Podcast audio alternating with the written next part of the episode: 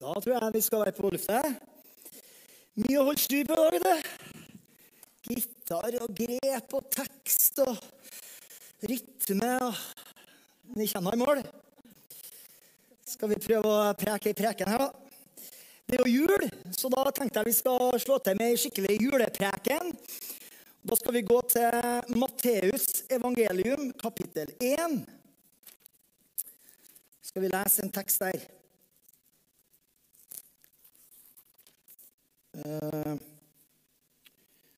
Fra vers 18.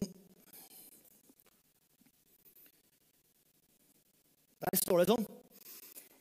Jesu Kristi fødsel skjedde på denne måten. Etter at hans mor Maria var blitt forlovet med Josef, før de var kommet sammen, viste det seg at hun var med barn ved Den hellige ånd. Hennes mann Josef, som var rettferdig, ville ikke føre offentlig skam over henne. Derfor ønska han å løse henne fra forlovelsen i stillhet. Mens han tenkte over det her, skjedde da viste en Herrens engel seg for ham i en drøm og sa, Josef, Davids sønn, ikke vær redd for å ta Maria, din ektefelle, hjem til deg. For det som er unnfanget i henne, er av Den hellige ånd. Hun skal føde en sønn. Du skal gi navnet Jesus. For han skal frelse sitt folk fra deres synder. Alt dette skjedde for at det skulle bli oppfylt som var talt av Herren ved profeten når han sier Se, jomfruen skal bli med barn og føde en sønn. Vi skal gi ham navnet Immanuel, som er oversatt Gud med oss.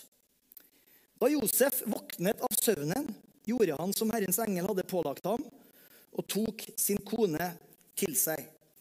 Men han levde ikke sammen med henne før hun hadde født sin førstefødte sønn. Og han ga, ham, ga ham navnet Jesus. Slik lyder Herrens ord. Eh, en eh, voldsom tekst, mye som skjer her. Det er engler, og det er drømmer, og det er Josef, og det er Jesus, og det er Maria. Det er, det er veldig svært. da. Og så, Vi har ikke tida til det i dag, men vi skulle egentlig også lest litt fra Lukas 1 med Elisabeth og eh, Johannes der som ble født. Og så kommer jo juleevangeliet i kapittel 2. Men det der kan dere. Så det får du lese eh, når du kommer hjem. eh, for jeg kommer til liksom å hoppe litt mellom det der. sånn. Så vi skal se på noen ulike perspektiv. Vi skal si litt om Josef, litt om Maria, litt om hyrder, litt om engler og litt om eh, drømmer. For det er jo et svært mysterium som skjer denne første julekvelden. Så hvis, jeg tenkte vi skulle starte litt med Josef. Og det å da bruke tid med Josef det er litt eh, vanskeligere enn å bruke tid med Maria. Fordi Josef sier ikke så veldig mye i dette dramaet. Faktisk så sier den noe i det hele tatt i selve julehistorien. Men eh, som en del andre, mange sånn, litt sånn forsiktige typer, så taler hans handlinger da, sterkere enn alle ordene han har kunnet funnet på. Så første gang vi møter Josef, så er han trolova med ei vakker tenåringsjente. Og på den tida så involvert i å være gift og bli gift. Det er involvert flere ting. Eh, veldig ofte så var familien mye mer involvert enn i dag. Og så endte man opp i, eh, etter hvert i det som kalles for trolovelse. En eh, formell seremoni hvor man lovte seg sjøl til hverandre. Og det var en juridisk bindende avtale. Så eh, hvis man skulle feie fra for hverandre, så var det skilsmisse. Eh, men så levde man fra hverandre da, under trolovelsesperioden, kanskje så mye som et helt år. Men juridisk så var, det, var man mann og kone, men man bodde ikke sammen. Man eh, sov ikke i samme seng, og man uh, venta da, ikke sant? Før det liksom det siste crescendoet skulle komme på bryllupsfesten. Hvor hele landsbyen var samla, og de kom sammen for å feire og velsigne ekteparet. Og så, så, sånn at I, denne, i denne trolovelsesfasen da ville jo Josef vært fullt opptatt av å forberede et nytt hjem for sin kommende brud.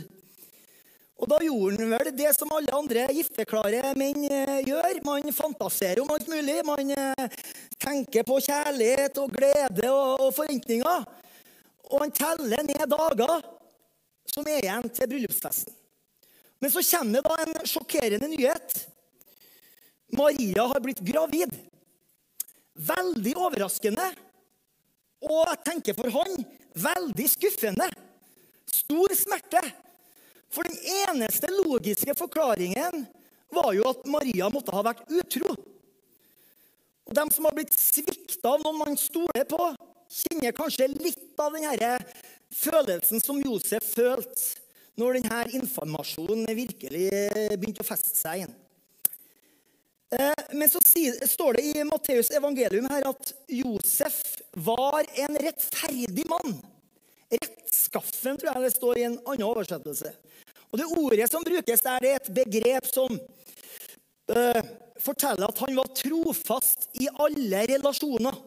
Både Gud og mennesker. For du vet, Etter Moseloven så var det ganske alvorlig. Alvorlige konsekvenser for ei, ei dame å være utro. Men da Josef, da, midt i sin eh, personlige smerte, så velger Josef å ikke kreve sin rett ifølge loven. Han ønsker ikke å offentliggjøre denne pinlige nyheten og, så, føre skam over Maria, leste vi der. Så han går da rundt tenker jeg, og kjemper med en del tanker. da, Tankekjør, kaller vi det. Om hva, hva skal jeg gjøre videre? Hvordan blir framtida nå? Og så dukker denne engelen opp til Josef i en drøm. Så Det er det første poenget jeg har. det at Når vi kjemper som mest Når alt er forvirra, alt er mørkt, så, ønsker, så kommer gjerne Gud akkurat da.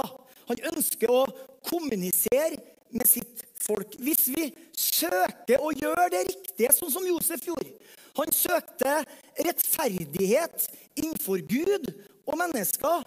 Så vil Gud komme til oss når vi kjemper som mest, med tvil, med skuffelse og med vantro. Og så vil han gjør det som det står i Salme 23. Han vil lede oss på rettferdighetsstier for sitt navns skyld. Og Han gjør det som ofte gjennom sitt ord, gjennom Bibelen. Han kan gjøre det gjennom andre mennesker. Og han kan også gjøre det gjennom en drøm. Det er kult.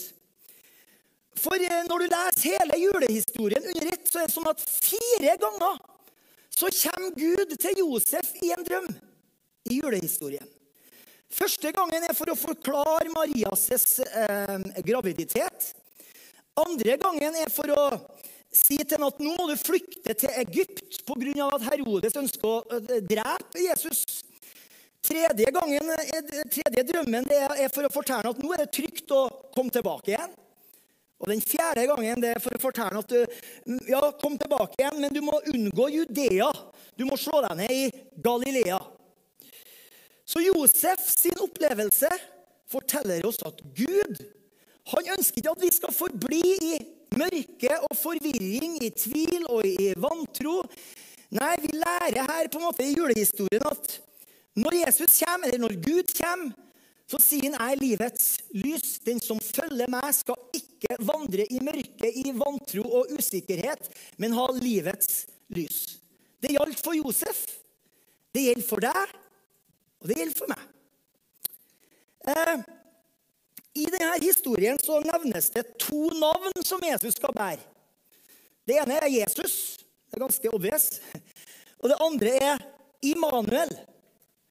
Og navn på den tida her eh, og i denne kulturen betydde litt mer enn hva det kanskje gjør i dag. Navnet ble valgt med, med stor omhu. Man tenkte seg godt om, fordi navnet representerte på en måte en slags statement. Man ønska å si noe med navnet. Navnet sa noe om liksom, selve essensen i personen. Vi kan kalle det for en slags sånn mini-personlighetsprofil. Hva, hva er navnet? Så engelen kommer og sier, 'Josef, du skal gi navnet Jesus.' For han skal frelse sitt folk fra deres synder. Og så kommer det senere, de skal gi ham navnet Immanuel, som betyr Gud med oss. Jesus det var et ganske vanlig navn på den tida. her. Det var mange som ga sønnen sin navnet Jesus. Det er det fortsatt i dag, og det er fotballspillere som heter Jesus. Jesus betyr 'Herren frelse'. Herren frelser, eller 'Herren til redning'. Eh, og når andre ga sønnen sin navnet Jesus, så var jo da det et uttrykk for en slags tro på at Herren frelser. Altså navnet fungerte som et tegn på at Herren kommer til redning, at Herren frelser.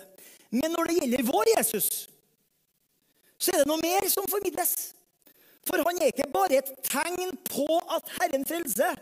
Nei, han er Herren som frelser. Ja, Det er forskjellen. Han er Herren til redning. Og det kommer ganske tydelig fram at, at, det er akkurat det som er intensjonen til forfatteren. For det står i vers 21 i, Lukas, nei, i Matteus der Du skal gi ham navnet Jesus, for, for han skal frelse. Ikke bare at det kommer en random frelse fra Gud, men det er han som skal frelse sitt folk fra deres synder.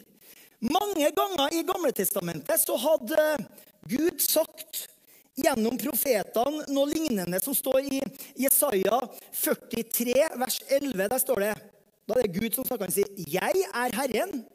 Foruten meg er det ingen som frelser.' Så i jødene sitt, eh, sin bevissthet da, så var det bare Gud som frelser. Så når det her kommer, da, ikke sant Du skal kalle ham Jesus, for han skal frelse. Så var jo det et sjokk for jødene. For det er jo bare Gud som frelser. Så det var jo på en måte det å si at Jesus er Gud, ikke sant? For det, for det er bare frelse ifra Gud. Men engelen kan si det her, fordi denne Jesus, vår Jesus, han er den Jesus som er det som navnet betyr. Aha. Han er Herren som frelser, og som kommer til redning. Det neste var at de skulle kalle han Immanuel. Og det betyr Gud med oss. Og igjen, det var mange som kalte sønnen sin Immanuel. Det er det fortsatt i dag òg. Og her siterer Matteus fra profeten Jesaja, som snakka om et barn på Jesajas tid, som ble gitt navnet Immanuel. Men det barnet var bare et tegn, et slags uttrykk for en tro på at på en eller annen måte så er Gud med oss. For det er det Immanuel betyr. Men vår Immanuel han er igjen da, så mye mer enn bare et tegn på at Gud er med oss. Det er ikke bare et uttrykk for at Gud er med oss. Nei, han er Gud som er med oss. Han er Gud som er med oss.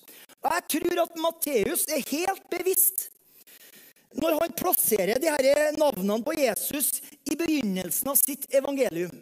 Sånn at vi skal lese resten av evangeliet på en riktig måte i lys av de her navnene. Jesus, Herren frelse, og Immanuel, Gud med oss. Det som man vil at vi skal observere Jesus gjennom evangeliene i ord og i gjerning. I møte med virkelige mennesker, i møte med virkelige livssituasjoner. Og få oss til å forstå at det her er Herren som frelser.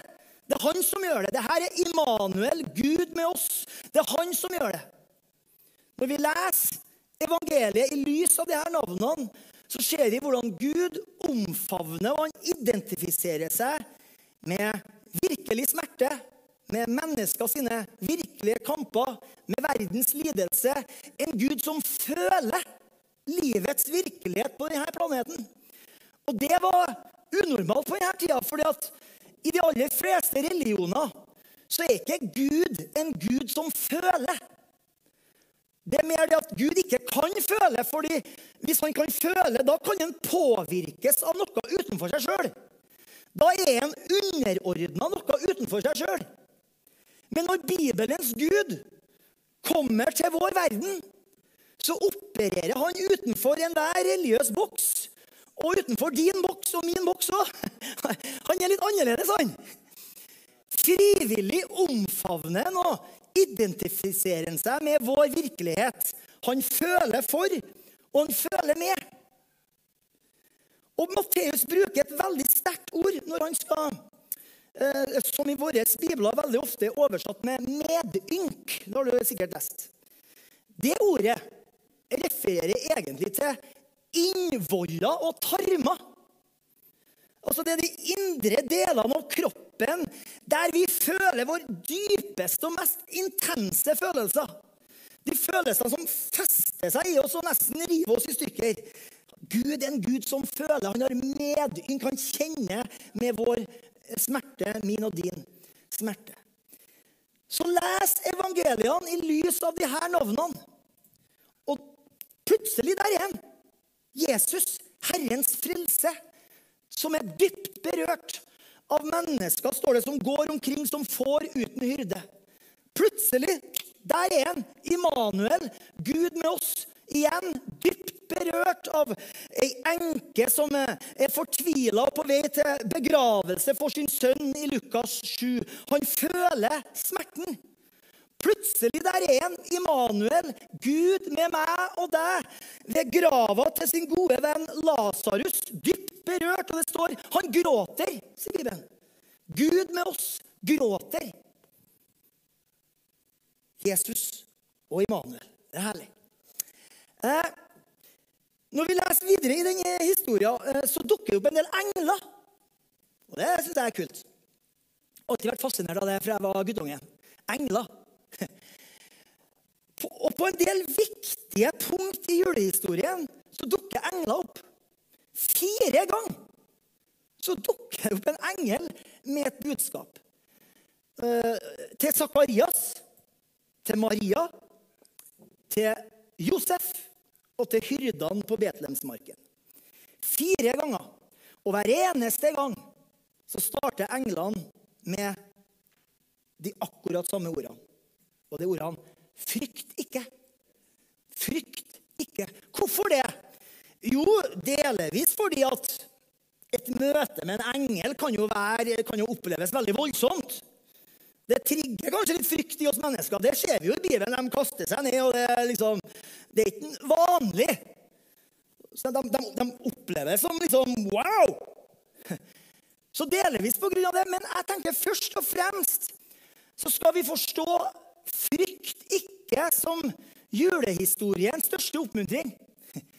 Altså at Gud gjør noe ved at Jesus kom, som adresserer vår frykt. Først til Sakarias, som var prest i tempelet, så sier engelen, 'Frykt ikke, din bønn er hørt'. Du vet, I mange år så hadde Sakarias og Elisabeth de hadde bedt om å få et barn. Og For hvert år som gikk, så sank jo troen og forventninga, og alderen tilsa at det er ganske lite sannsynlig at det kommer noen barn her. Men Plutselig dukker det en engel opp og hevder at dine bønner har ikke vært forgjeves. Sakarias, din bønn har blitt hørt.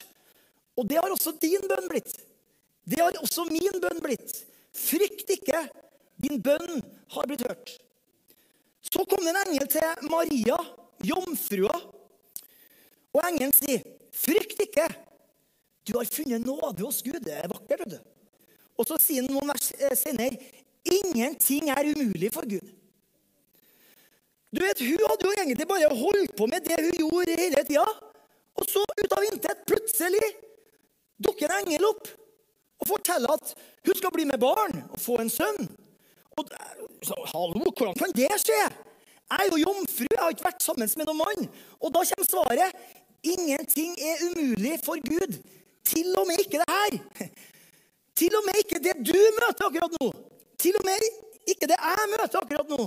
Frykt ikke var budskapet. Du har funnet nåde hos Gud. Ingenting er umulig for Gud. Og så kommer også englene til, til hyrdene. Og der sier englene, frykt ikke. I dag er det født dere en frelser. En frelser. En som kan redde deg fra syndens makt og fra ødeleggelse. Det er ikke synden som skal ha det siste ordet.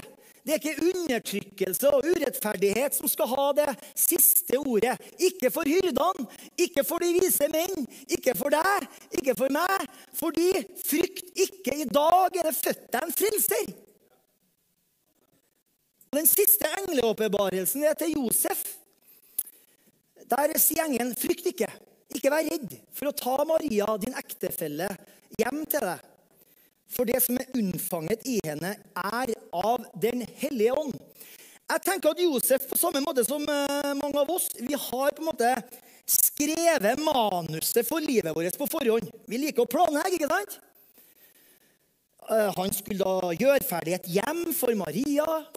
Han skulle eh, sørge for at han kunne betale for bryllupsfesten, bli en god og trofast ektemann, bygge opp kanskje ei snekkerforretning, kanskje få en respektert posisjon i den lokale synagogen.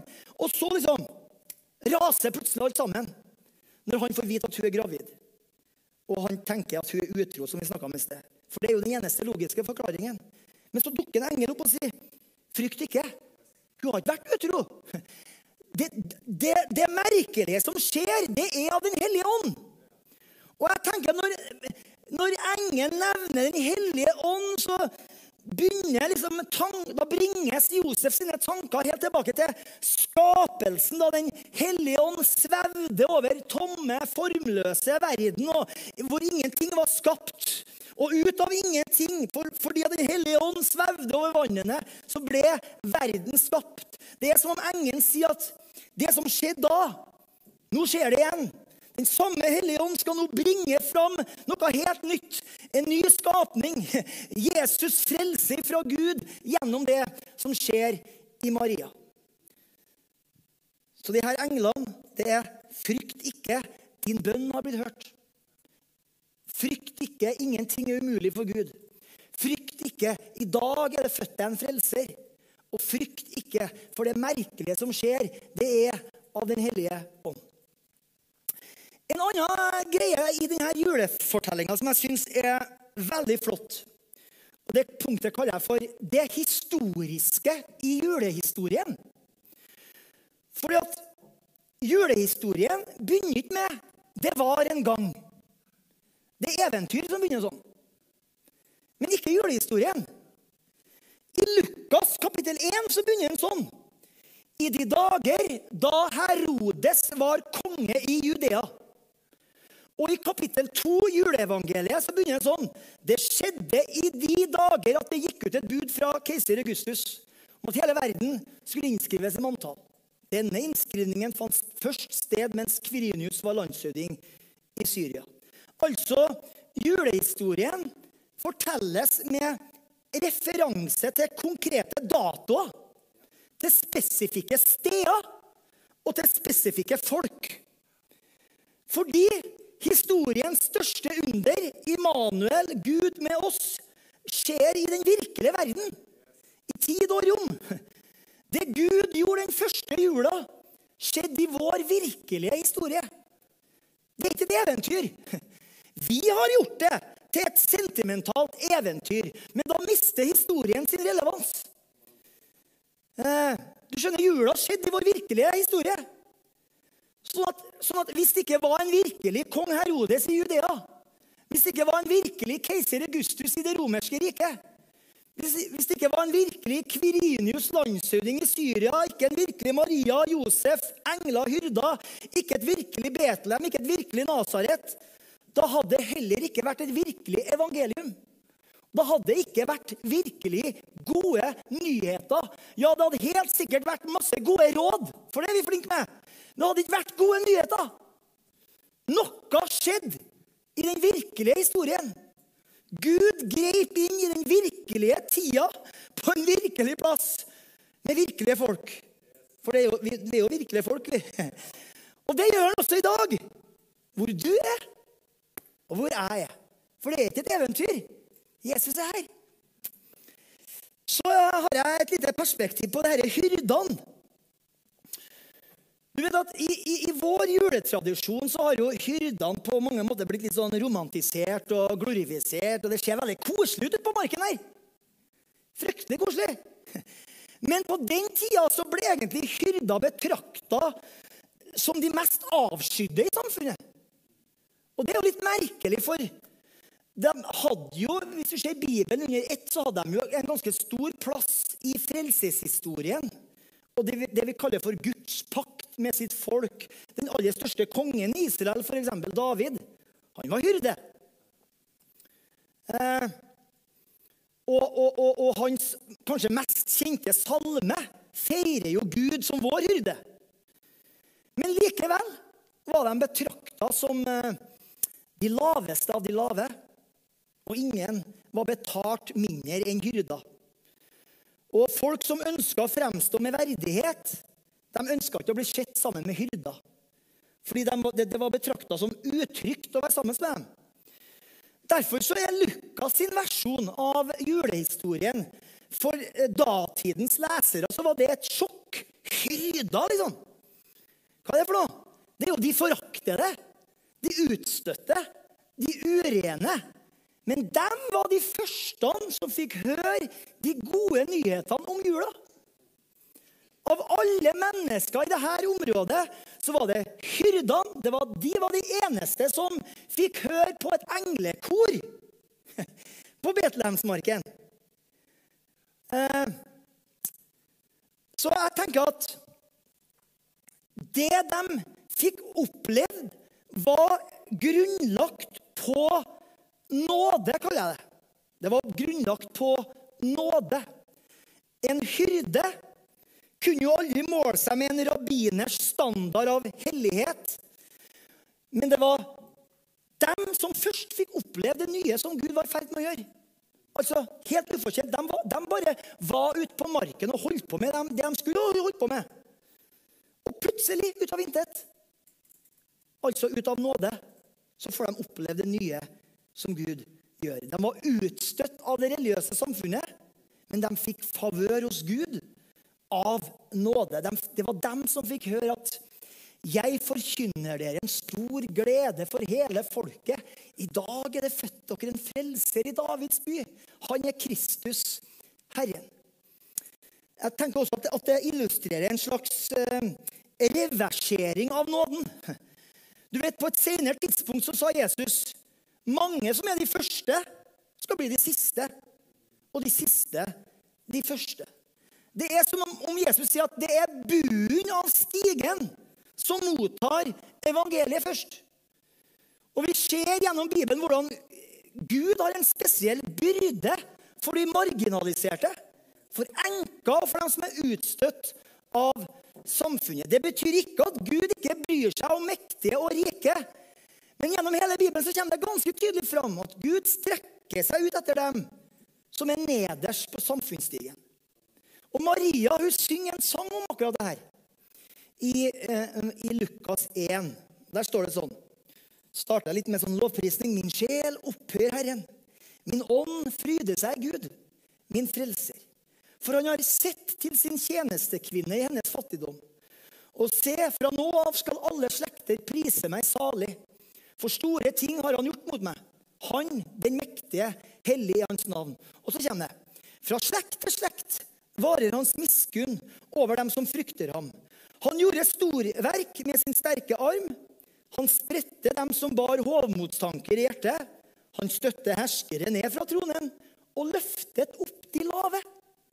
Han mettet de sultne med gode gaver, men sendte de rike tomhendte fra seg. Så hyrdene lærer oss at bunnen av stigen er plassen for å møte den levende Gud.